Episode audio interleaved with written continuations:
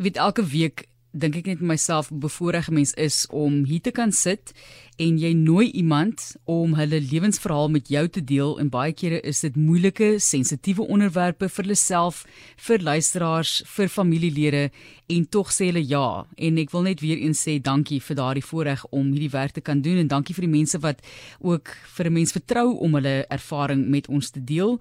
Ons begin vandag met die eerste uit 'n reeks insetsels uit die buitekring. En ons kyk na mense wat baie keer praat van uit 'n sensitiewe posisie of wat nooit gevoel het asof hulle deel is van die groep nie of deel is van die samelewing nie baie keer voel asof hulle 'n sogenaamde outsider is, né, soos wat baie van die voorstelle van musiek ook deurgekom het vandag op hierdie tema. Hulle is in die buitekring. Emma Reynke is ons eerste gas in hierdie reeks van insetsels en sy is 'n transgender vrou wat haar eie ervaring vandag met ons deel. Baie welkom aan jou Emma. Hi Martelies, dankie. En uh, dankie vir die geleentheid. Groot voorreg om jou hier te. Hoekom sê jy ja vir so 'n onderhoud? Dit is wat ek nou nogal wonder. Jy weet want dit is so 'n geweldige persoonlike onderwerp en dit is 'n reis en 'n pad wat jy deurgemaak het wat baie moeilik was oor 42 jaar van jou lewe. Hoekom sê jy ja om dit met ons te deel? Um ek dink die eenvoudige antwoord is ek is ek het lank genoeg weggekruip. Reg? So ek was nie myself vir 42 jaar nie. Nou is ek my self vir die eerste keer in my lewe. Ek is gelukkig, ek is oop, ek is vry en hoekom dit dan wegsteek vir die vir die res van die wêreld? Um en as ek kyk hoe vir die liefde wat ek kry uit soveel oogpunte en soveel um mense uit, um wil ek haar storie deel. En dis net dis nie natuurlik net vir transie maar ook net om jouself te wees, regtig, net om vry te wees so belangrik om te sê dat jy nog altyd net jouself wou gewees het. Jy het nie gevoel soos jouself nie as daai interpretasie dan korrek is. Emma, vertel vir ons van jou verhaal. Jy begin daardeur te sê vir 42 jaar van jou lewe was jy onseker, onseker van wie jy is en en van die lewe wat jy lei. Ja, dis reg. So ehm um, en dokter Almer het so mooi gesê vroeër wat sy gesê het, dit is dis vreemd, dis 'n vreemde konsep, reg? So dis moeilik om te verstaan, maar ek sal probeer ek sal probeer verduidelik. Ehm um, so ja, ek is ja, 20 jaar lank het ek hierdie gevoelens gehad, jy weet, van my eerste kinderdae af. Die enigste die eerste keer wat ek kan onthou wat ek 4 jaar oud is en 6 jaar oud is en weet in 'n seentjie wat rondhardloop, het ek nie gemaklik gevoel nie. Ek het gevoel ek wil soos die dogtertjies lyk. Like. Ek wil 'n dogtertjie wees. Ek wil soos my sussie aantrek. Ek wil ballet doen. Um en dit is natuurlik 'n baie vreemde gevoelens wat jy het as 'n kind. Reg, jy's so klein, jy weet nie wat om al met te doen nie. So jy gaan niks daarmee doen nie. Jy gaan dit ook nie vir iemand sê nie. En so gaan jy maar deur die lewe en jy hoop baie gevoelens gaan weg. Um jy hoop dit is 'n fase. Jy dink jy dink is miskien as iets fout met jou. En jy doen maar wat jy moet doen. Jy weet, ek het um atletiek gedoen, ek het rugby self gespeel. Ek het probeer die kom ons sê die normale man wees en die normale die beste man wees wat ek kan. En jy raak raak groot en ek het getrou en daai gevoelens is maar altyd net daar. Dit gaan nooit weg nie. Inteendeel dit raak dit sterker. En so het ek toe nou verlede jaar by 'n punt gekom waar ek net nie meer dit kon wegsteek nie. Ek kon nie ek moes dit erken. Weet ek het 'n ek lees nou weer so baie boeke en daar's 'n daar's 'n een boek vir die vrou skryf wat sy sê ehm um, sy was rusteloos en dit was soos iemand wat klop aan die deur en die klop raak het harder en louder en dit is hoe dit my gevoel het. Ek was rusteloos en iemand het aan die deur geklop en dit net harder en harder geraak en ek moes uiteindelik haar deur oopmaak. Ons gesels dan oor hierdie baie moeilike pad en ek wil nou verwys na 'n bekende persoon want almal dink ek wel baie mense het daar gesien in film ook onlangs dan nou Elliot Page oorspronklik het sy ja. bekend gestaan as Ellen Page en jy weet daar's 'n sy sy vertel toe 'n onderhoud wat ek op 'n stadium gekyk het waar sy sê jy weet dan word sy aangetrek in hierdie pragtige rokke die die een film wat sy in was het toe 'n klomp Oscar nominasies gehad en sy moet op die rooi tapuit gaan staan en hulle trek van hierdie mooi rokke aan en sy is veronderstel om mooi te voel maar sy is, sy voel regtig net nie asof sy in haar eie liggaam is nie. En sy het nou hierdie pad gestap sy was Ellen Page sy's nou Elliot Page. Het jy ooit so gevoel dat jy sekere klere aan het dat jy jouself bevind in 'n sekere spasie en jy jy voel net soos 'n hele 'n totale vreemdeling. Ja. Jy voel uh, jy voel fake. Dis eintlik ek dink as jy voel. Jy voel ek het net 'n gevoel ek pas tussen die mans in. Ehm um, soos ek sê jy jy probeer voorgee so bes wat jy kan, jy probeer so as jy kan en soos ek sê jy probeer jy jy hoop pa gevoelens gaan weg, maar jy voel nooit of jy inpas nie.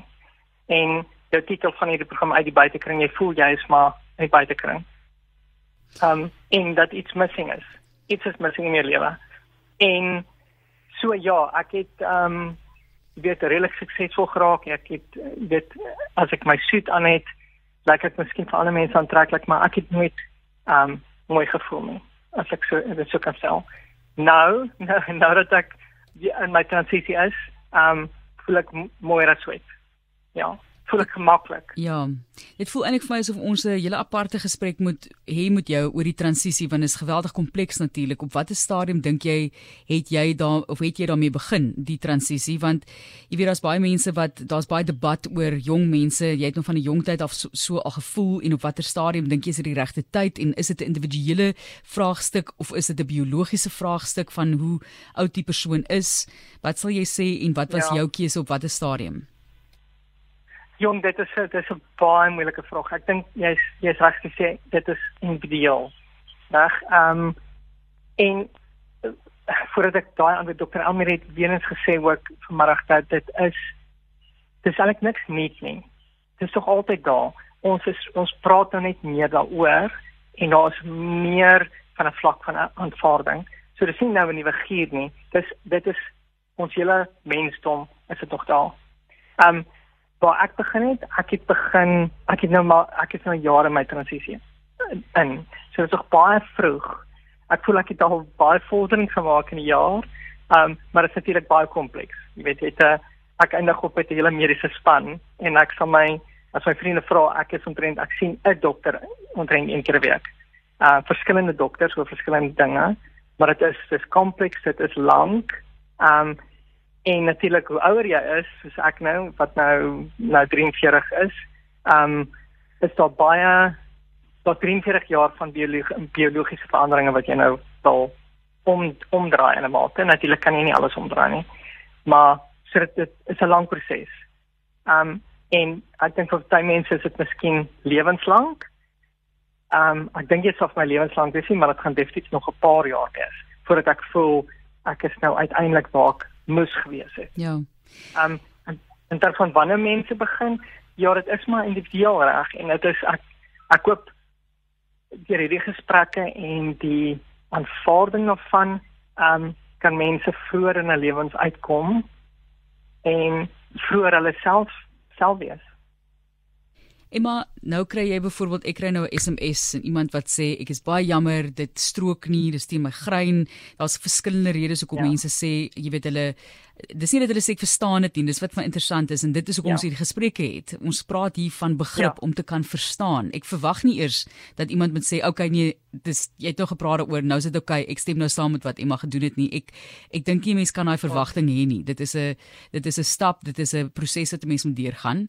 Jy kan vir my sê of jy dink ek is verkeerd, Emma, jy is baie welkom. Maar wat sê jy vir mense wat dit sê? Uh, wat nie sê, jy weet ek verstaan dit nie, maar wat net sê dis teen my grein, ek stem nie saam nie vir wat ek watter rede ook al. Wat is jou antwoord daar as mens? dis 'n dis 'n moeilike een. Um die, die verstaan absoluut. Dit is ek, en ek vra nie mense om dit te verstaan nie. En ek jy sê, ek dink ook die doel hiervan is dat almal nou net dit moet verstaan. Um maar was 'n groot verskil tussen verstaan en aanvaar, reg? So ek dink jy kan dit bitter moeilik om te verstaan as jy nie in daai situasie is nie, as jy nie selftrans is nie. Um amper miskien onmoontlik. Maar aanvaarding ek ek wil eintlik net my spasie hê om te wees wie ek is. Dis al wat ek vra. Ek doen nie um, jy weet injustice tot enigiemand anders nie. Ek probeer nie hulle spasies oorvat nie. Ek wil maar net myself wees. En eintlik soek ek maar net ultimately aanvaarding. Ehm um, en dan van mense wat nou sê dis teen hulle grein. Ja, ek het dit al gehad. Ehm um, nogals ehm um, nie baie gelukkig nie. Uh, die oorgrootste meerderheid van mense in my lewe en ek meen ek is Afrikaans bly in bly in Centurion. Dis redelik konservatief.